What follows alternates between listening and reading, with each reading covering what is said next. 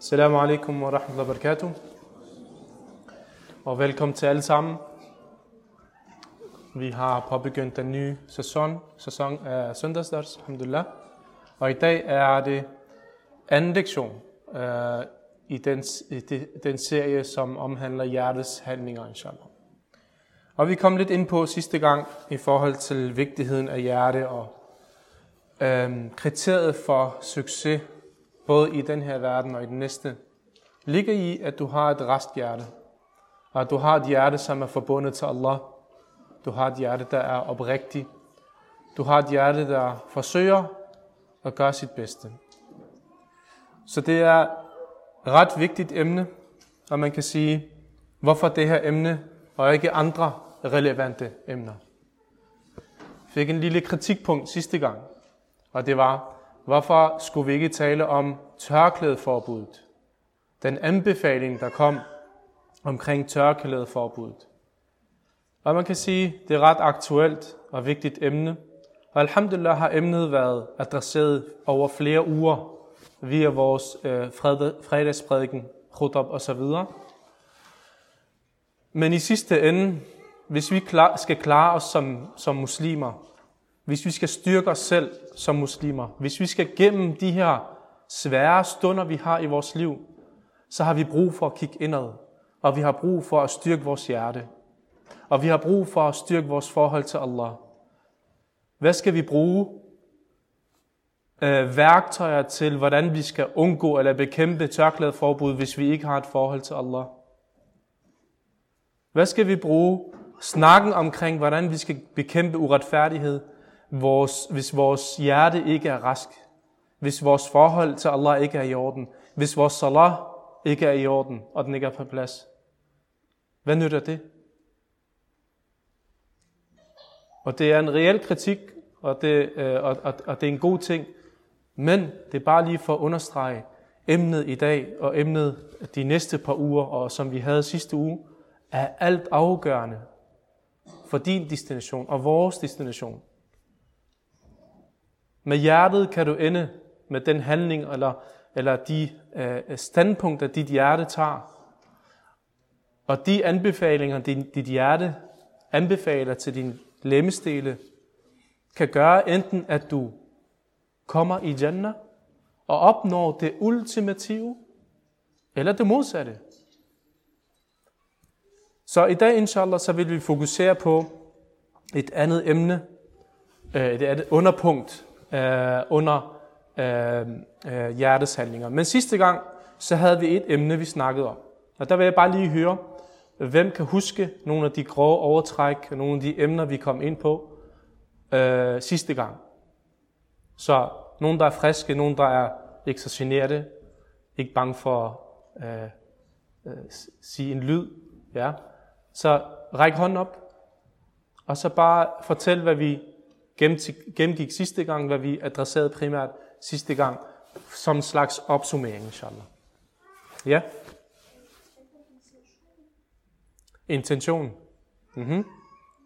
Så vi snakkede om intention, og det at have ikhlas, korrekt. Og hvad betyder ikhlas? Hvad betyder, hvad er intentionen? Hvorfor er den vigtig? Værsgo, Anders. Oprigtighed. Okay. Oprigtighed med hvad? Oprigtighed, når du skal til at spise. Hvor oprigtig du er. Med den føde, du skal til at sætte dine tænder i. Oprigtighed med hvad? Der var ingen, der forstod den joke. Jeg havde forventet lidt flere reaktioner, men øh, okay. Okay, oprigtighed med hvad, Anders? Ens handlinger.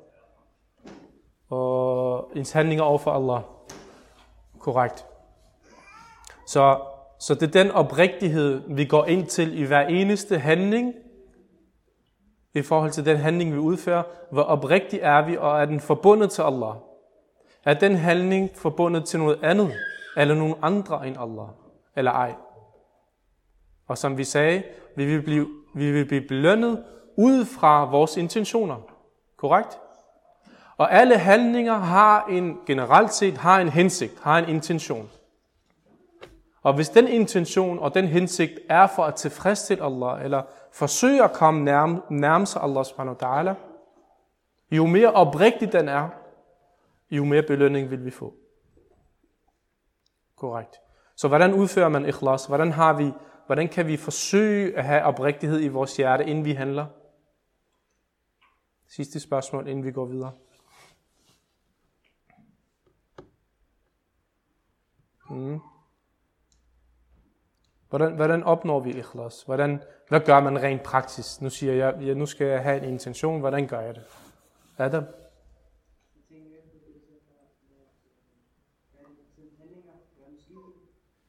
Nå, hvordan du opnår ikhlas. Ja, at du gør, du forsøger at opnå eller udføre nogle handlinger i skjult. Ja, det er rigtigt. Men hvordan gør du rent praktisk, hvis en person siger, nu vil jeg gerne have en god intention? Hvilke praktiske step skal man tage? Usama, du ser lidt farlig ud, når du har den der i hånden. Jeg bliver lidt bange. Så hvordan gør man rent praktisk? Nogen, der kan huske. Gør I det ikke selv? Yani, når I skal lave jeres salat, eller I kommer her i masjid. Udfører ikke en intention. Vi er bare lidt generet, ikke? Jeg gider ikke sige noget højt. Usama, du havde hånd op. Ja, ja, jeg siger bare intentionen. Det gentager den lige for at sikre sig, at man...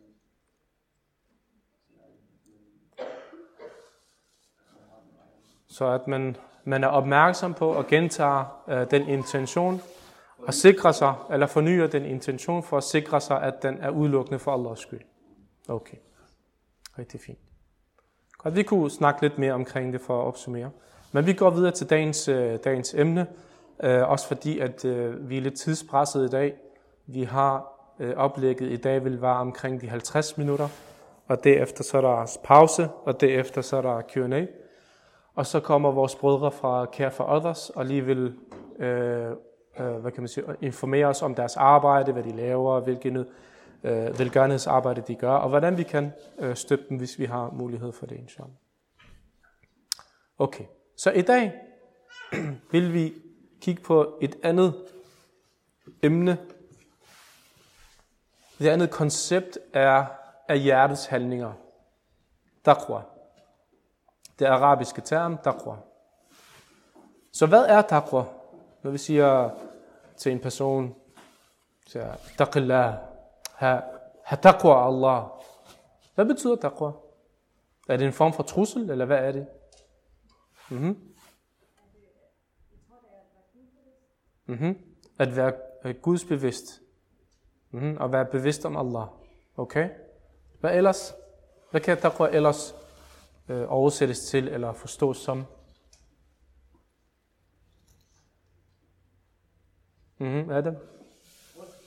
Frygt. Mm-hmm. Så der er noget bevidsthed, der er noget frygt. Mm-hmm. Okay. Så lad os lige kigge på øh, øh, de definitioner, som ulama kommer med. Hvad betyder taqwa? Rent sprogligt i det arabiske, så kommer det fra øh, wiqaya, som, som er et, et greb eller term for skjold. Det vil sige noget, man beskytter sig med. Wiqaya, det er noget, du har, som dækker dig som en slags skjold for at beskytte dig for noget ondt, for noget dårligt. Ja, det er det ordet taqwa kommer fra. Giver det mening rent islamisk set, rent øh, det islamiske perspektiv på taqwa, giver det mening, at det er forbundet til den sproglige forståelse? Hvis er, hvordan? Mm-hmm.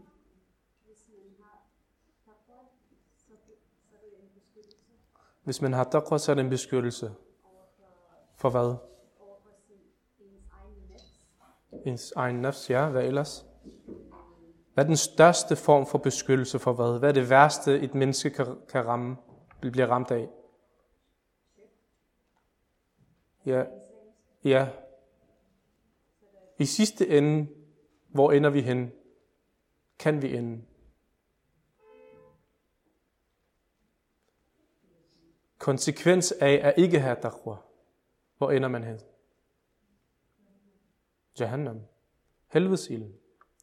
Så taqwa er et skjold mod det, som der kan ramme et menneske, som der er det værste, der kan ramme et menneske, det er helvedes ild, Allahs straf. Så taqwa er hvad? Og også et skjold, en beskyttelse. Ja? For det er det konsekvenserne af at ikke være bevidst om Allah subhanahu wa ta'ala. Så hvad siger der, definitionen i forhold til den shari'mæssige islamiske perspektiv på, hvad, hvad taqwa er? Der er mange definitioner, men jeg har valgt øh, et af dem. At du handler for at tilfredsstille Allah, og du ønsker Allahs belønning. Så når du har taqwa, så det som du stræber efter og ønsker at opnå, Allahs tilfredshed. Det er det, som du er optaget af. Det er det, du hele tiden har i hovedet. Det er det, du baserer dine beslutninger og valg på i livet. Samtidig, at du efterlader det, som der går imod Allah, fordi at du frygter hans straf. Ja?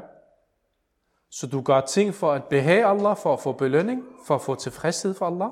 Samtidig så undgår du nogle handlinger, for at ikke risikere at blive straffet for Allah subhanahu wa ta'ala. Giver det mening? Anas?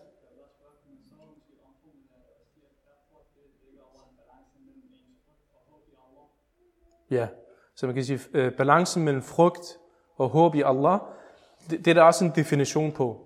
Og det er i virkeligheden vores forhold, eller vores kærlighedsforhold til Allah. Som Ibn, Ibn al-Qayyim, rahmatullah alayhi, han siger, den her velkendte lært e, e, elev af Ibn Taymiyyah, rahmatullah, han siger, at øh, øh, kærligheden til Allah er todelt. Vi, vi elsker Allah i form af noget frygt, og vi elsker Allah også i form af noget noget, øh, noget håb. Ja? Så vores kærlighed, hvis lad os sige, vores kærlighed udelukkende var baseret på noget frygt. Vil det være et sundt for, et kærlighedsforhold til Allah? Nej. Hvis vores kærlighed var kun baseret på noget håb. Allah skal nok tilgive mig. Jeg behøver ikke gøre det her. Allah han skal nok tilgive mig. Allah han skal nok være barmhjertig med mig. Salat det er lige meget. Allah han skal nok tilgive. Jeg har kun håb i Allah. Jeg har ikke en, et, en frygt for en konsekvens. Ja, vil det også gå, hvis man kun havde håb i Allah i form af vores kærlighed til Allah? Det vil også være øh, ikke optimalt. Ja? Så håb og, kærlighed, og, håb og, og, og, og frygt går i hånd i hånd i form af den kærlighed, vi skal udvise til Allah. Giver det mening? Så det er i forhold til kærlighed. Korrekt. Og i virkeligheden, hvis vi lever et liv uden taqwa, uden at have det egenskab, hvor vi netop er bevidst om Allah subhanahu wa ta'ala. Vi er bevidst om Allah, han ser. Vi er bevidst om Allah, han hører. Vi er bevidst om Allah, han vil stille os til regnskab. Hvis vi havde et liv uden taqwa, uden bevidsthed, så ville det være uværdigt liv at leve.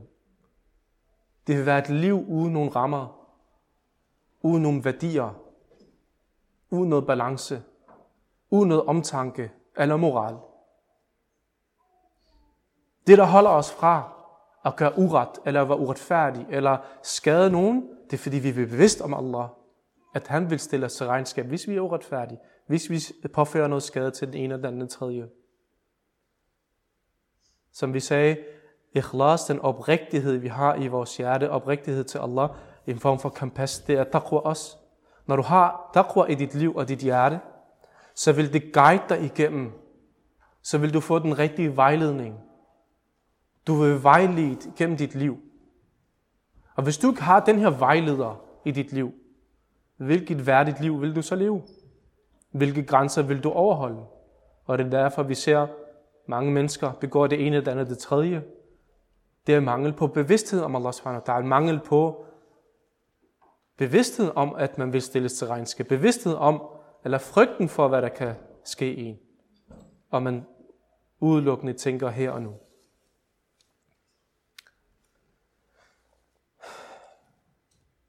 Den her velkendte og øh, noble sahabi, Umar bin Khattab, han spurgte Ubay ibn Ka'b om taqwa. Han sagde, hvad er taqwa?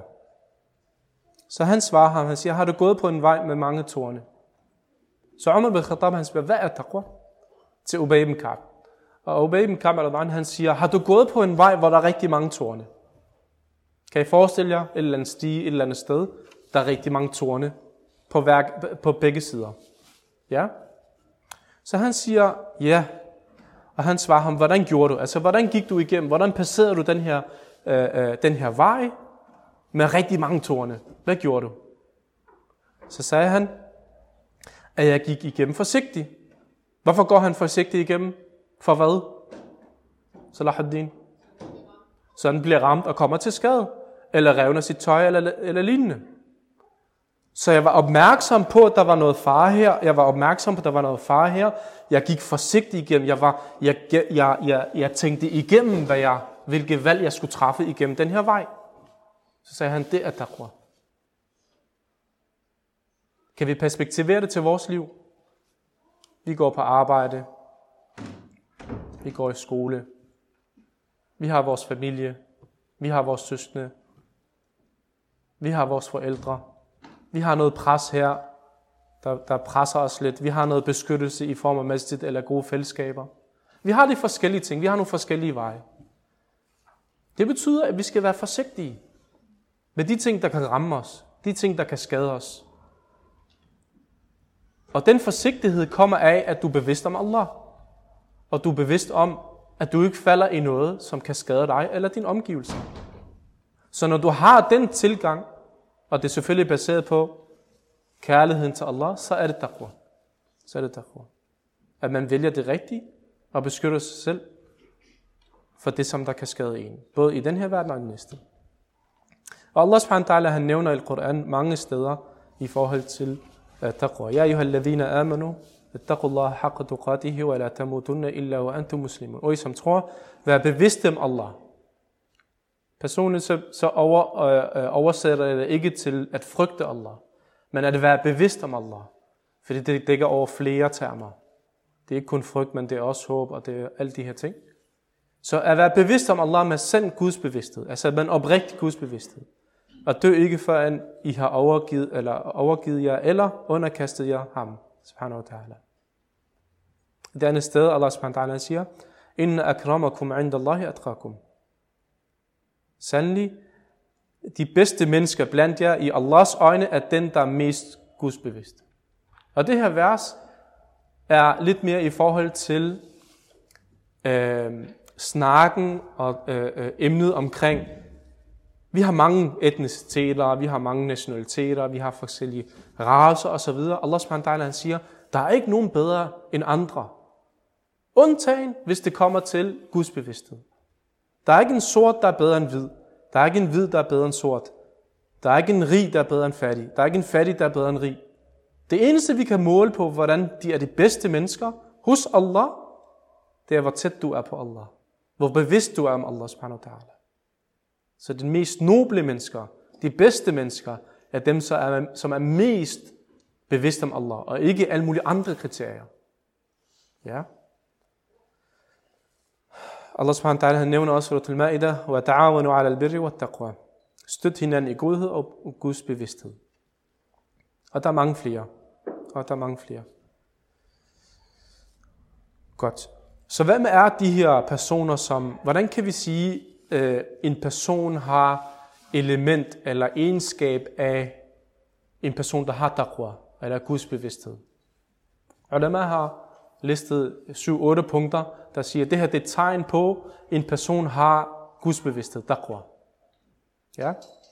Så vi gennemgår dem lige, inshallah. Det første er sidq, sandfærdighed. Sandfærdighed i form af udtalelse og handling. Allah subhanahu wa ta'ala siger, وَالَّذِي جَاءَ بِصِدْقِ وَصَدَّقَ بِهِ أُولَٰئِكَ هُمُ الْمُتَّقُونَ Og de, der bringer sandheden og bekræfter den, disse er de Guds bevidste. Og det her specifikke vers er, er, er faktisk relateret til hvem? Hvem er den, der bringer sandheden, og dem, der bekræfter sandheden? Altså tror på, modtager og tror overbevist. Hvem bringer sandheden i vores historie? Hvem har vi sandheden fra? Personer? Ja? Ja, profeterne. Og her i det her tilfælde, profeten Muhammad sallallahu Han er den, der kommer med budskabet til folk. Ja? Så de personer, der bringer det her budskab, og til dem han bringer dem til, tror på dem, overbevist om dem. De her personer har element af hvad? Bevidsthed om Allah. Hvem er det så, I tror, der, der, der bekræfter den her? Hvem er det, der bekræfter den? Hvem tror jeg, Allah han adresserer her indirekte? Så Muhammad sallallahu er den, der bringer sandheden. Og så er der en eller flere, der bekræfter den. Hvem er det? Ja? Muslimerne. Ja, men hvem er det, Allah han specifikt øh, refererer til? Den, en, en, en specifik person. As-Sidq. Prøv at lægge mærke til navnet. As-Sidq. Siddiq. Ja? Abu Bakr as-Siddiq. Profeten s.a.v. sallams tættestillede sig at, at Allah subhanahu wa ta'ala, han løfter ham og, og øh, uh, roser ham i form af det her vers. At han er den, der faktisk bekræfter og underkaster sig 100%. Og det kommer efter en episode, hvor profeten sallallahu alaihi wasallam, han blev fragtet fra øh, Mekka til Jerusalem på en nat. På en nat, så blev han bragt fra Mekka til Jerusalem. Og derefter, så havde han sin rejse gennem himlerne, hvor Allah han tog, tog ham op til sig. Isra al Mi'raj, I har hørt om det. Den rejse, han tog fra Mekka til Jerusalem, og derefter blev han løftet op gennem de syv himle. Og han kom tilbage samme nat. Hvis I skulle prøve at reflektere over en person, der hverken har en Tesla eller et fly eller noget som helst. Hvordan kan det lade sig gøre, at en person bliver fragtet fra, eller når øh, øh, fra, øh, tager afsted fra Mekka til Jerusalem, op igennem de syv himle, og ned igen, og tilbage samme nat. Så da folk hørte det, de tænkte, han må være en løgner. Han må være en magiker. Han må være en snyder. Han må være en... Et eller andet, det er ikke troværdigt for os. Det giver ikke mening. Folk tænkte irrationale og logik. Og faktisk på grund af den her hændelse, var der mange muslimer, der faldt fra. De stod ikke for, de stod ikke for det pres, og de faldt fra, og de tænkte, det giver ikke mening. Da folk kom til Abu Bakr Siddiq, han sagde, din profet påstår og har rejst fra Mekka til Jerusalem op gennem himlen og tilbage igen på samme nat. Tror du på det? Hvordan kan det være, du tror på det? Det er utroværdigt. Så hvad var det, Abu Bakr Siddiq han sagde? Han sagde, hvis Muhammad sallam siger det her, så er det sandt. Jeg har ingen tvivl. Jeg har ingen tvivl. Så hvad end der kommer fra profeten sallam, eller hvad end der kommer fra Allah, og vi læser det, og vi hører det, og vi er overbevist om, at det er sandheden, det er et tegn på, at man har taqwa. Noget andet er, at man ophøjer Allahs ritualer. ذلك ومن يعظم شعائر الله فإنها من تقوى القلوب. Således, den der holder eller opretholder Allahs hellige mærker i ære, gør det af hjertets gudsbevidsthed. Så hvad er, hvad er de ritualer, højtider, hellige, øh, hvad kan man sige, helligheder, som, som profeten og prof, Allah subhanahu ta'ala kommer med? Hvad kan du for eksempel være? Noget vi ophøjer et par gange om året, eller en gang om året. Hvilke ritualer har vi, som er noble i islam? Hajj. Hvad ellers? Juleaften nytårsaften, årsdag. Ja? Eid, korrekt. Har vi en eller to Eid om året? To. Begge Eid, korrekt. Inshallah. Hvad ellers? Mm-hmm. Ramadan, en gang om året. Det er noget, der er nobel hos Allah. Det er noget, der er elsket hos Allah. Mm. Ligesom Hajj og Eid hvad ellers? Umrah. Mm. Så der er lidt forskellige ting. Det er det primære det, som I nævner. Fordi Allah han ophøjer dem, så er vi forpligtet til at ophøje dem. Vi er forpligtet til at ophøje dem. Gør vi det, er det lige så vigtigt for os, som det er for profeten sallam, og vi ophøjer dem, og det er vigtigt en del af vores liv, så er det tegn på taqwa. Desværre ser jeg en tendens, desværre brødre og søstre, at vi begynder at stille og roligt gå væk fra at ophøje de her ting. Vi begynder at stille og roligt ophøje andre ting i vores liv. Og gå væk fra det, som Allah han har valgt for os at ophøje. Eid. Desværre. Jeg ser desværre nogle familier, der ikke prioriterer det. Børnene og familien kan ikke mærke, det er Eid. Det er en almindelig dag. Hvis man spørger børnene, hvad lavede du til Eid? Ikke noget. Det var, der var ikke forskel på det Eid, eller det var den 20. oktober. Desværre. Og det er svaghedstegn. Det er et tegn på, at vi begynder stille og roligt komme væk fra Allah subhanahu wa ta'ala. Hvis vi ikke føler, at Eid er vigtig for os eller vores næste generation, så er der noget galt. Hvis vi ikke gør noget specielt for vores familie eller vores børn, når det er Eid, så er der noget galt. Det er noget, der, er, der er noget helt galt. Vi bliver nødt til at ophøje det, Allah han ophøjer. Ikke for vores egen skyld, men også for vores næste generation. At de kan mærke, at Eid er det bedste tid på året. At Ramadan er den hyggeligste og bedste tid på året. At der er noget særligt over det. Hvorfor skal de kigge på, nu er det juleperiode, det er så hyggeligt, og der er pebernødder, og der er lys på gaden og alt muligt andet. Hvad gør jeg? Hvad får jeg? Ingenting. Og de får det ene, det andet, det tredje. Er det det islam, vi vil vise vores børn? Er det de værdier, vi vil give til vores børn? At når du, når du er muslim, så er, det, så er dit liv bare ligegyldigt.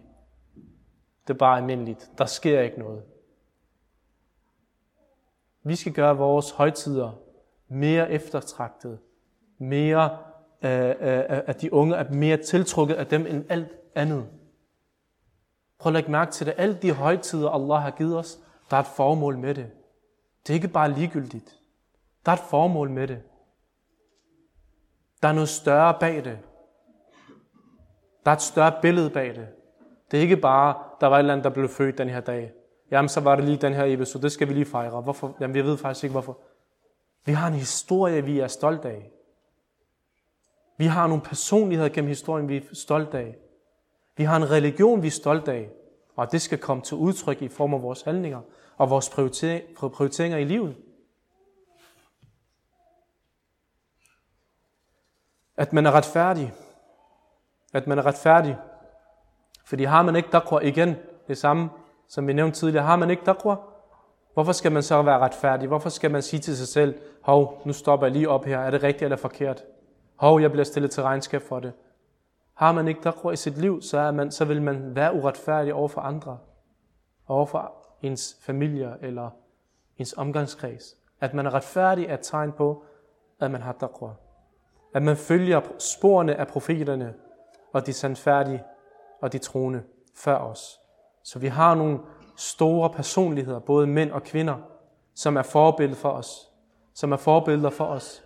Som har vist vejen til os. Som har vist, hvordan man klarer sig igennem test, udfordringer, gode tider, hvordan deres tilbedelse var, hvordan deres forhold til Allah var. Og det er eksempler, som vi skal følge. Og det er de her personer, vi skal følge, og ikke et eller andet random, der påstår det ene, det andet, det tredje. Ja, personen er populær blandt unge eller et eller andet, men som reelt ikke har en værdi bag sig. Ikke har noget større formål bag sig. Ikke har ikke har noget guddommeligt bag sig, som profeterne har. Så hvad får man ud af at, være, at, at, at have taqwa i sit liv? Nogle, der, nogle eksempler? Hvad får man ud af at have taqwa? Nu, vi, vi nævnte lige et par, et par øh, ting, et par eksempler. Hvad, hvad, hvilke værdi vil tilføres i ens liv, når man har taqwa? Hvad tænker I? Jeg er en meget tålmodig mand, så hvis, I, hvis vi ikke får to-tre eksempler, så går vi ikke videre, så venter vi. Jeg påstår selv, at jeg er meget tålmodig.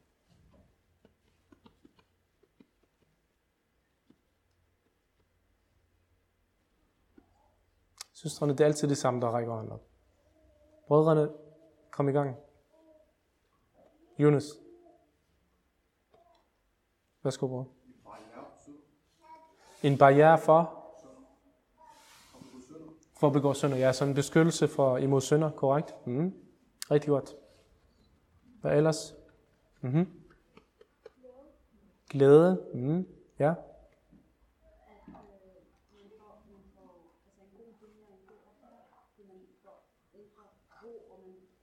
Indre ro. Indre ro og glæde i både den her verden og den næste. Mm. Godt. Hvad ellers? Brødrene. Ja.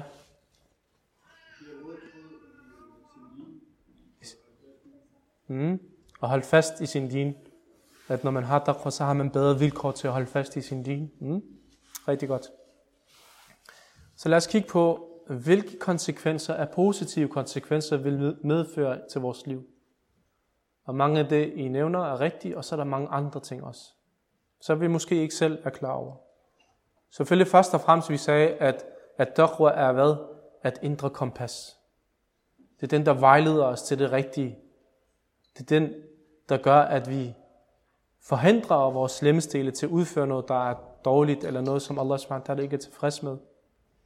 Og når vi gør det, hvor vi holder fast i det, hvor end hvor hårdt det vil være, eller hvor øh, konsekvenserne vil være igennem livet, og lad, men, men på en eller anden måde føler, at man stikker ud af resten af befolkningen, eller hvad end det er, man stadigvæk holder fast. Og man dør i den tilstand, så vil man komme i Jannah. Man vil komme i Jannah. Og den største velsigelse, en person vil opnå, ikke er det at indtræde Jannah. Det er ikke, det er ikke den største velsignelse. Hvilken velsignelse tror jeg, der er den største velsignelse, en person vil kunne opnå? Ja. Allah er tilfreds. Mm.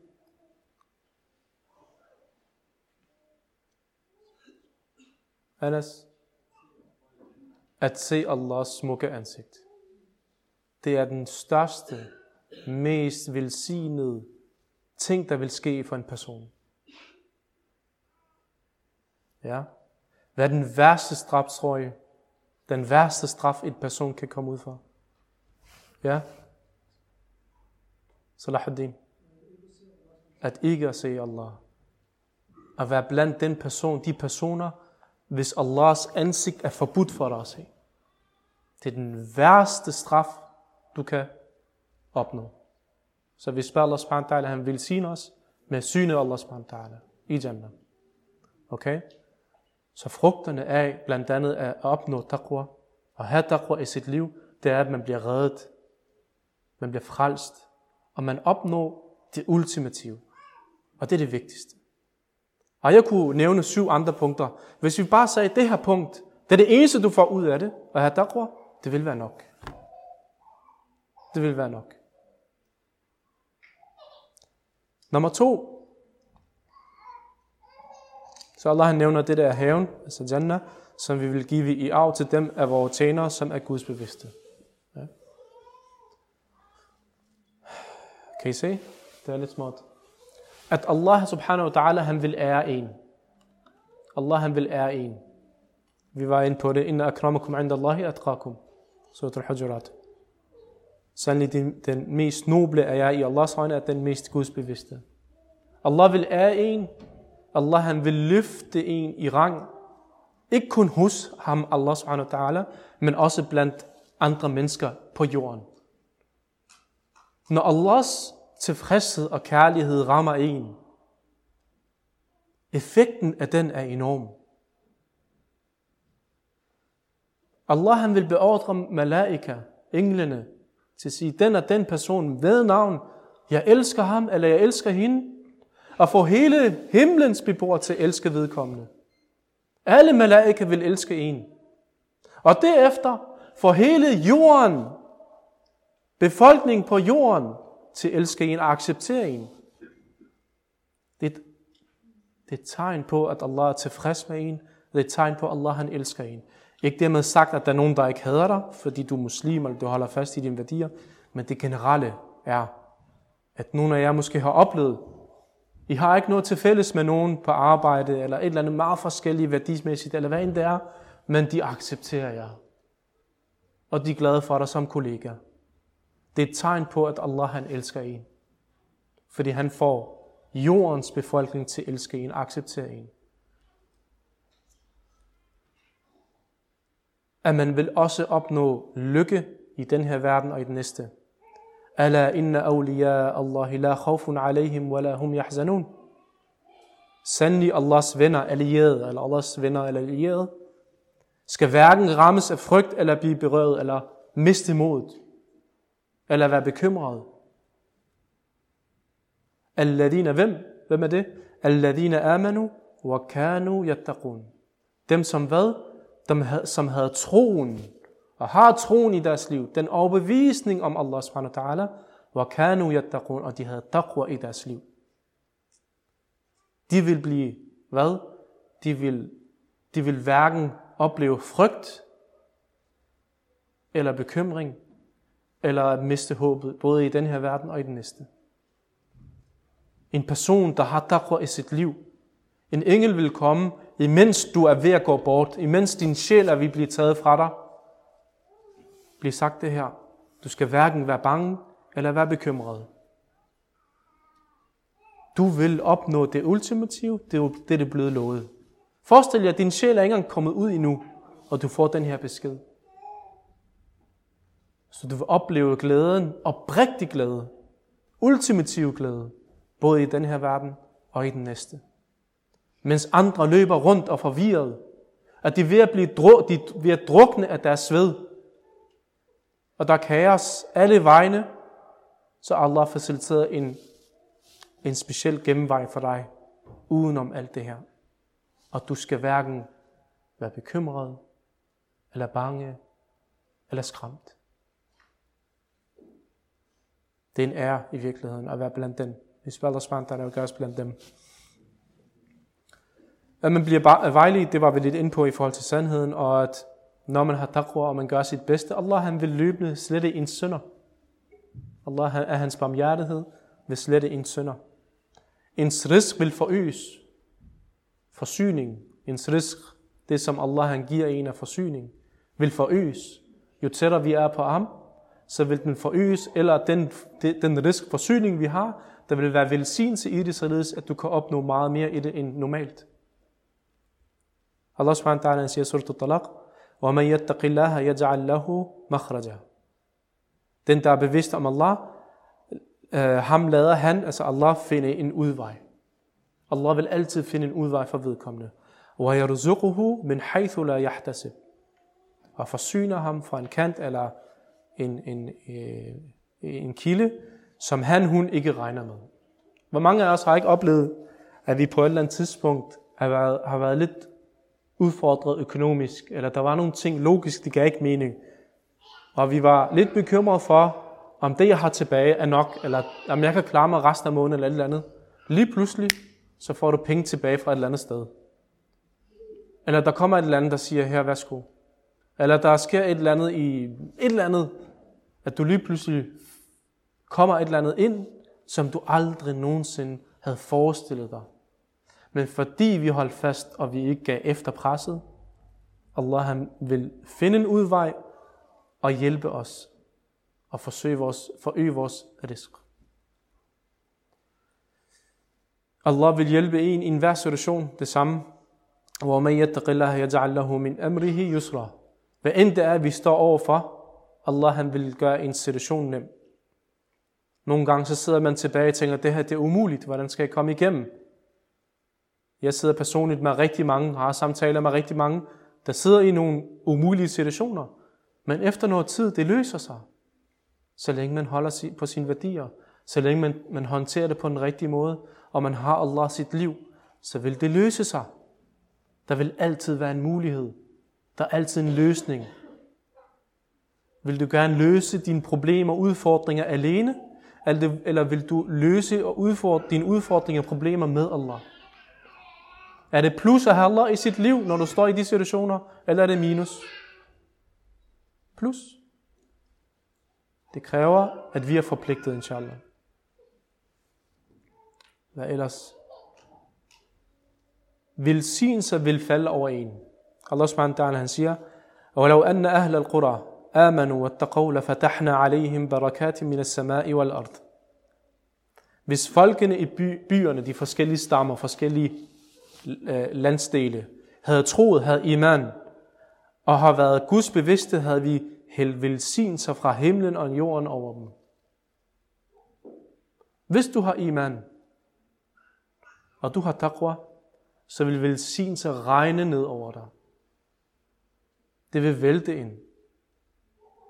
Ikke dermed sagt, at du ikke oplever udfordringer eller bekymringer i livet. Det er livets natur. Det er livets gang. Der er ikke nogen, der lever et perfekt liv. Hvor forestil jer, hvis vi levede et perfekt liv. Vi havde ingen problemer. Vi havde ingen udfordringer. Vi havde ingen øh, partier, der, øh, øh, hvad hedder det, der foreslår det ene og det andet det tredje. Hvad ville der ske med os? Vi vil blive opslugt af livet i sig selv. Vi vil vi finde os behagelige i den position, vi er. Vi vil ikke stræbe efter noget mere. Vi vil ikke trøste os i Allahs vej. Vi vil tænke, det er lige meget, jeg har det godt nu. Og vi mennesker, vi er meget forhastet, og vi tænker her og nu. Så hvorfor skal jeg tænke på akhira og få det godt i akhira, hvis jeg har det godt nu? Ja? Der er en visdom bag Allah, han tester os og prøver os af, for at ruske i os, for at påminde os, hvad er formålet? Hvad er vejen frem? Hvad er dine prioriteter i livet? Og det sidste, at Allah subhanahu wa ta'ala altid vil erstatte det, som du har faldet for hans skyld, med noget, der er bedre. Så hvis en stakwa, en skudsbevidsthed, siger, det her arbejde det er ikke så godt, jeg kommer i fitna, jeg kommer i noget, der ikke er så godt rent islamisk, der er en, der er en, der er en risiko for det ene, det andet, det tredje, hvilket er ikke så godt islamisk, godt jeg forlader det. Så, min, så, mit, så mit hjerte siger, forlad det, det er ikke så godt for dig. Det er ikke godt for din udvikling. Det er ikke godt for din, dit forhold til Allah. Så jeg forlader det. Hvad vil Allah gøre? Allah han vil erstatte det med noget, der er meget bedre. Du vil få et tilbud, der er meget bedre. Wallahi, jeg havde en bror, jeg tror det var for et år siden, meget kvik bror, mashallah. Fantastisk bror. Jeg var, nej, jeg vil ikke sige. Så kan I gætte måske, hvem det er. Han skrev til mig og sagde, jeg har fået det her tilbud sådan og sådan. Mashallah, virkelig stræber. 12 taler hele vejen og meget ambitiøs. Han fik tilbud i en virksomhed, millionvirksomhed, milliardvirksomhed, at komme i lære der, og virkelig potentiale til at få en stor karriere. God løn, gode rammer, inspirerende mennesker omkring ham. Det eneste, der var problemet, det var, at de kontrakter og de ting, han, han skulle facilitere for det her, det var, at der var renter. Det var rentebaseret. Firmaet tjente på renter og handlede med renter. Han spurgte mig, hvad skal jeg gøre? Så jeg, altså, jeg kan godt se, det er fristende, og det er svært at sige nej til det. Men i sidste ende, så vil det give mening. Hvis jeg var i din position, det ville give mening for mig. Jeg ville have nok have svært ved at sige nej til det, men jeg bliver nok nødt til at sige nej til det. Og han sagde nej. Og han var, han, øh, det var en proces, ansættelsesproces, hvor han skulle til runde 1, 2, 3, 4 nærmest. Og han kom hele vejen igennem. De var klar til at skrive under på en kontrakt. Han skulle bare sige ja, så skrev de under. Så det er ikke fordi, han måske fik det. Han var klar til at skrive under. Meget høj løn, gode rammer, karriere, det hele. Vi snakkede sammen, og han endte med at afvise. Hvad skete der så? Tre uger efter, to uger efter, han fik et tilbud fra Google. Endnu bedre. Altså, vi alle sammen ved, hvor høj klasse Google er, og hvor attraktivt det er. Med gode rammer, gode løn, gode potentiale til at videreudvikle uddannelsesmæssigt kompetencer osv. Tre uger efter. Wallah, det er et klasse eksempel på, når vi vælger noget for Allahs skyld fra, når vi vælger noget fra for Allahs skyld. Fordi Allah har givet os de rammer for at behage ham. Allah han vil, han tester os i øjeblikket for at se, hvor, hvor sandfærdige vi er, hvor trofaste vi er, hvor stærke vi er. Når det så sker, Allah siger, ham her eller hende her har fortjent meget mere. Allah vil sige, kun for jeg kun. Sig, han vil, han vil sige, bliv, det vil blive. Hvad vil forhindre, Hvad vil være en forhindring for Allah? Ingenting. Så vid, hver gang vi vælger noget fra for Allahs skyld, så er der noget andet, der kommer meget bedre og mere værdifuldt i vores liv. Det er 100% sikkert. 100%. Det kan være, at vi ikke ser det i øjeblikket. Det kan være, at det ikke er de der tre uger, der går. Så jeg, hvor, hvor bliver det af? Jeg er blevet snydt. Det kan være, at det kommer om et år. Det kan være, at det kommer om fem år. Det kan være, at du ser frugterne af det på dommedagen. Som i virkeligheden er det mest værdifulde. Godt, vi runder af med små praktiske råd i forhold til, hvordan opnår vi taqwa. Taqwa er noget, som Allah han vil sige, når hvem han vil. Så det første step, det, samme, det er ligesom, når nogen siger, hvordan skal jeg opnå, eller få et rask hjerte, eller hvordan skal jeg blive sådan, sådan, sådan. Det første step, det er, at du spørger Allah om succes. At du spørger Allah om hjælp, hvad end det er. Fordi i, i alt er i Allahs hænder. Intet sker uden hans vilje. Så hvis vi spørger Allah om hjælp oprigtigt, med et godt formål, der er ingenting, der vil gøre, at Allah han ikke vil facilitere for dig. Fordi Allah han ønsker det bedste for dig. Så det første step er, at man spørger Allah om et rask hjerte, og man spørger Allah om at hvad? At få det her bevidsthed om Allah i ens daglige dag. Hver eneste dag. Nummer to, at man handler for at forbedre sit hjerte. Igen, nogle handlinger, som vi sagde sidste uge. Prøv at gøre nogle handlinger mellem dig og Allah, for at styrke dit hjerte. Gør nogle ting udelukkende for Allah, uden nogen ser dig. Det er skjulte handlinger. Så en tidligere lærer, han sagde, nøglen til taqwa er god intention. Jo mere øh, nobel du tænker, og jo mere visionær du tænker i forhold til dit forhold til Allah, jo mere vil din bevidsthed bygges jo stærkere vil din bevidsthed over for Allah subhanahu wa ta'ala bygges. Nummer tre er, at man selvfølgelig øh, handler for at forbedre si, sin ydre. Det vil sige ikke i form af tøj og hvad man har på, men ens ydre i forhold til ens handlinger. At man praktisk gør nogle ting. Det indre var noget det, du kæmper med dig selv, dit ego, dine tanker, dit hjerte. Ja? Den forståelse, giver mening af din forståelse til, hvorfor du gør de her ting. Mens de ydre er hvad? Er de praktiske. Du, fører din salat, du udfører din salat på den rigtige måde. Du udfører din øh, faste på den rigtige måde. Du taler pænt. Du siger nogle gode ting til dine forældre, til dine søskende, til din mor, til din ægtefælle, til dine børn. Ja? Din, den ydre handling. Ikke i form af øh, øh, tøj, eller det ydre ydre, men det ydre i form af ens handlinger, inshallah.